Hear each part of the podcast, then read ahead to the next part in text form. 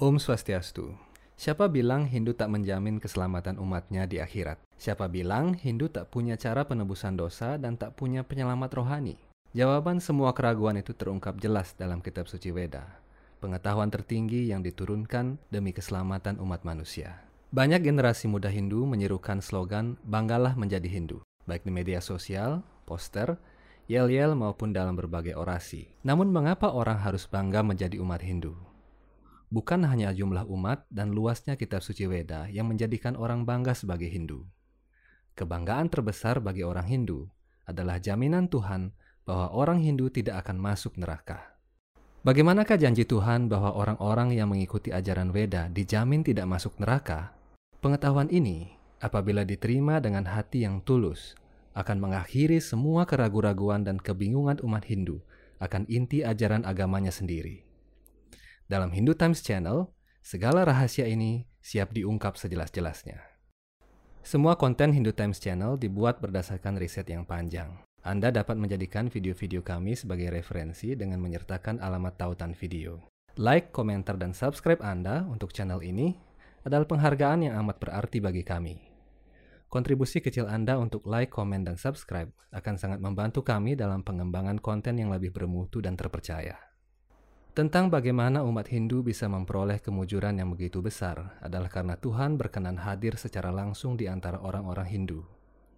Hanya dalam Hindu, Tuhan turun secara pribadi sebagai avatar dari zaman ke zaman. Kapan pun Dharma merosot dan Adharma merajalela, Tuhan Sri Krishna, penguasa alam semesta, turun langsung untuk menegakkan kebajikan dan menghukum para pendusta. Tuhan yang turun di tengah-tengah penyembahnya dan melakukan kegiatan rohani yang ajaib bersama para umatnya tidak dijelaskan dalam kitab suci mana pun selain kitab suci Weda. Wujud Tuhan yang maha indah, maha rupawan, dan maha sempurna tidak pernah dijelaskan dalam kitab suci mana pun kecuali Weda. Demikian pula, sebutan agama yang kekal tidak ada di mana pun kecuali dalam Hindu. Tuhan telah berjanji bahwa pengetahuan Weda adalah sumber dari agama yang kekal itu. Sebab Weda diturunkan dari bibir Padma Tuhan, maka Weda adalah ajaran yang kekal. Dalam Weda Bhagavata Purana, Tuhan Sri Krishna berjanji bahwa dia akan senantiasa turun dari zaman ke zaman untuk menyelamatkan agama yang kekal ini dari kemerosotan. Inilah bukti tak terbantahkan tentang kasih Tuhan dalam Hindu. Hanya dalam kitab suci Weda pula disebutkan dengan jelas bahwa Tuhan sendiri turun sebagai seorang acarya atau pemimpin rohani umat. Sering kita mendengar tentang utusan Tuhan atau orang yang diberi kuasa oleh Tuhan untuk mendirikan agama bagi umat manusia. Namun dalam Hindu, Tuhan sendiri yang langsung turun untuk mengajarkan ajaran rohaninya kepada manusia. Inilah satu lagi keistimewaan Hindu. Dalam wujud siapakah Tuhan turun sebagai pemimpin umat Hindu? Bagaimana dia berjanji membebaskan seluruh pengikut ajaran Weda dari api neraka? Dialah Sri Chaitanya Mahaprabhu, permata kebanggaan umat Hindu di zaman Kali Yuga. Sri Chaitanya Mahaprabhu muncul ke dunia ini pada hari purnama di bulan Februari tahun 1486 Masehi. Ayahnya seorang Brahmana yang suci bernama Jagannath Mishra dan ibunya bernama Sachi Dewi. Beliau hadir ke dunia tidak dengan cara biologis layaknya makhluk hidup secara umum. Pertama-tama, wujud rohaninya memasuki pikiran Jagannath Mishra dan termanifestasi dalam jantungnya. Kemudian, Tuhan berpindah ke dalam jantung Sachi Dewi dan bersemayam selama 12 bulan dalam rahimnya. Tatkala Sri Chaitanya Mahaprabhu lahir, beliau langsung berpindah keluar badan ibunya tanpa proses kelahiran biasa, lengkap dengan pakaian dan perhiasan rohani. Demikian uraian tentang kemunculan Sri Chaitanya Mahaprabhu sebagaimana disaksikan oleh para orang suci Hindu dari abad pertengahan. Badan Sri Chaitanya Mahaprabhu memiliki 32 tanda khusus, Tanda-tanda khusus ini secara lengkap dan kekal ada pada badan rohani Tuhan. Seorang utusan Tuhan yang murni memiliki setidaknya separuh tanda-tanda ini di badannya. Di telapak kakinya terdapat lambang-lambang rohani seperti cakra, padma, garis lengkung berwarna emas, swastika, kendi, dan kerang. Lambang-lambang suci pada telapak kaki hanya dimiliki oleh Tuhan, Demikian salah satu petunjuk kitab suci Weda untuk membedakan mana inkarnasi Tuhan yang palsu dan mana yang sesungguhnya. Kemunculan Sri Chaitanya Mahaprabhu sebagai penyelamat di zaman Kali Yuga ini tentunya menjadi rahasia alam semesta. Apabila Tuhan turun ke dunia material ini, beliau pasti menunjukkan ciri-ciri rohani yang khas yang membedakan dirinya dengan makhluk hidup biasa. Salah satu ciri lain adalah tidak pernah tua. Melalui berbagai ciri-ciri dan keajaiban itu, para penyembah Tuhan yang agung mengenali Tuhan dan mencocokkannya dengan ciri-ciri dalam kitab suci Weda yang otentik. Dengan cara demikianlah, seorang awatara sejati bisa dikenali. Selama 48 tahun menjalankan kegiatan rohaninya di bumi, Sri Chaitanya Mahaprabhu memperlihatkan banyak keajaiban, baik yang dilihat oleh semua orang maupun oleh rekan-rekannya yang terdekat. Semua keajaiban itu dicatat oleh para murid beliau, yakni enam Goswami dan para pelayan terdekatnya, sebagaimana misalnya Sri Swarupa Damodara Goswami. Seluruh catatan perjalanan dan kehidupan Sri Chaitanya Mahaprabhu dikumpulkan dalam sebuah kitab komprehensif, Chaitanya Charitamrita, yang menjadi salah satu bagian paling dalam dari kitab suci Veda yang berisikan segala pengetahuan rahasia tentang ketuhanan. Bagi manusia yang belum mengembangkan cinta kasih yang tulus kepada Tuhan, dia akan melihat kitab suci Weda Caitanya Carita Merita sebagai sebuah cerita biasa. Namun orang-orang cerdas yang dikasihi Tuhan dapat memahami isinya dengan tepat. Karena itu Weda tidak dapat dipelajari tanpa sikap tunduk hati dan penyerahan diri. Sri Chaitanya Mahaprabhu mempelajari tata bahasa Sanskerta pada usia 8 tahun dan menjadi seorang sarjana Weda pada usia 10 tahun. Beliau berbicara dalam bahasa Sanskerta, dan semua penduduk India Barat terheran-heran pada kejeniusannya. Karena itu, pada usia 10 tahun, ia diberi gelar Nimai Pandit. Pada usia 14 tahun, Sri Chaitanya Mahaprabhu mengalahkan Kesawa Kasmiri, sarjana Sanskerta yang terkenal di seluruh daratan India Barat hingga Bangladesh. Chaitanya Mahaprabhu dengan mudahnya mengingat 100 bait puisi Sanskerta yang dinyanyikan Kesawa Kasmiri dan menemukan kesalahan tata bahasanya dengan begitu akurat. Kesawa Kasmiri takjub dan malu karena dikalahkan oleh anak 14 tahun.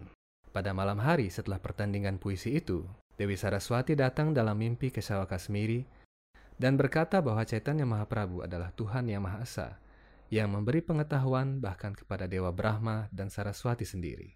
Dewi Saraswati kemudian menyuruh Kesawa Kasmiri untuk bersujud di kaki Chaitanya Mahaprabhu dan menjadi pengikutnya. Suatu ketika, saat Sri Chaitanya Mahaprabhu bersama para pengiringnya bertirtayatra ke kota suci Jagannath Puri, ia membuat satu keajaiban lagi. Dalam rombongan itu ada seorang umat yang turut serta bersama anaknya yang masih balita. Si ayah berkata kepada Sri Chaitanya Mahaprabhu agar memberkati anaknya. Sri Chaitanya Mahaprabhu kemudian menyentuh anak itu dan berkata, Katakanlah sesuatu. Sangat ajaib. Anak itu tiba-tiba mencakupkan tangannya dan mengucapkan ayat-ayat suci Veda Bhagavata Purana dengan sangat lancar. Seorang penduduk desa bernama Wasudewa menderita penyakit kusta sejak lama. Kusta adalah penyakit yang mematikan pada abad pertengahan, dengan reputasi yang sama mengerikannya dengan kolera. Sekujur tubuh Wasudewa membusuk dan dipenuhi ulat, namun dia adalah seorang yang tulus. Tatkala ia mendengar kabar bahwa Chaitanya Mahaprabhu datang ke desanya, ia begitu gembira. Namun sayang sekali ia tak sempat melihat Chaitanya Mahaprabhu secara langsung. Dia menjadi begitu sedih sehingga menangis berhari-hari. Tanpa diduganya, Chaitanya Mahaprabhu tiba-tiba telah berdiri di hadapannya lalu memeluknya. Seketika seluruh penyakitnya lenyap, badannya menjadi begitu bersih dan tampan.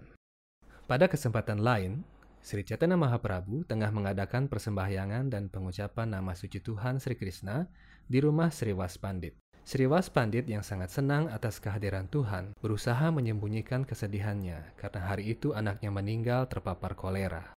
Pada abad pertengahan, kolera, tifus, desentri, dan malaria menjadi pembunuh skala besar di Asia dan Eropa. Seusai acara persembahyangan, seseorang melapor kepada Sri Chaitanya Mahaprabhu bahwa anak Sriwas telah meninggal. Chaitanya Mahaprabhu begitu terharu dengan ketegaran hati Sriwas. Kemudian beliau memerintahkan agar jenazah anak itu dibawa ke hadapan beliau. Dengan satu sentuhan, anak itu hidup lagi dan berbicara kepada ayahnya.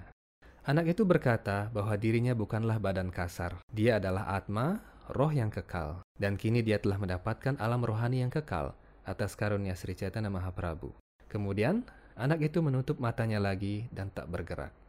Tak hanya menyelamatkan manusia, Sri Chaitanya Mahaprabhu juga menyelamatkan binatang dan pepohonan dengan cara mengirim mereka ke alam rohani yang kekal. Tatkala beliau mengadakan perjalanan suci Tirtayatra ke Jagannath Puri, beliau diikuti oleh banyak orang. Salah satu pengiringnya bernama Siwananda Sena yang memiliki seekor anjing. Anjing itu mengikuti rombongan hingga tiba di Jagannath Puri. Setiap kali rombongan bersantap, Sri Chaitanya Mahaprabhu memberi anjing itu makanan prasadam yang telah dipersembahkan ke hadapan arca Tuhan Sri Krishna. Di hari ketiga, anjing itu lenyap. Simananda Sena pun sedih karena kehilangan anjing kesayangannya. Sri Chaitanya Mahaprabhu berkata, anjingmu sudah ada di dunia rohani, lebih dulu daripada dirimu. Sri Chaitanya Mahaprabhu juga menyelamatkan tujuh pohon palem raksasa yang menjadi saksi pertarungan Sugriva dan Bali. Pohon palem besar itu berjajar dan telah berusia sejuta tahun di India Selatan. Tatkala Sri Chaitanya Mahaprabhu memeluk pohon itu satu persatu, ketujuh pohon itu lenyap tak berbekas, berpindah seketika ke alam rohani yang kekal. Sebagaimana beliau muncul ke dunia ini dengan cara yang ajaib, dengan cara yang sama pula, Sri Chaitanya Mahaprabhu mengakhiri kegiatan rohaninya di bumi pada tahun 1534 Masehi. Tepat di usia 48 tahun, beliau masuk ke ruang arca Tuhan Jagannath di Jagannath Puri dan tidak pernah lagi terlihat. Beberapa pendeta yang bertugas di pura saat itu melihat Sri Chaitanya Mahaprabhu masuk ke dalam badan arca Tuhan Sri Jagannath, mengakhiri kegiatan rohaninya yang ajaib tanpa meninggalkan badan kasar. Setiap avatar yang turun memiliki tujuan yang spesifik. Tuhan muncul sebagai narasinga untuk membunuh Hiranyakasipu dan menyelamatkan penyembahnya, Prahlad.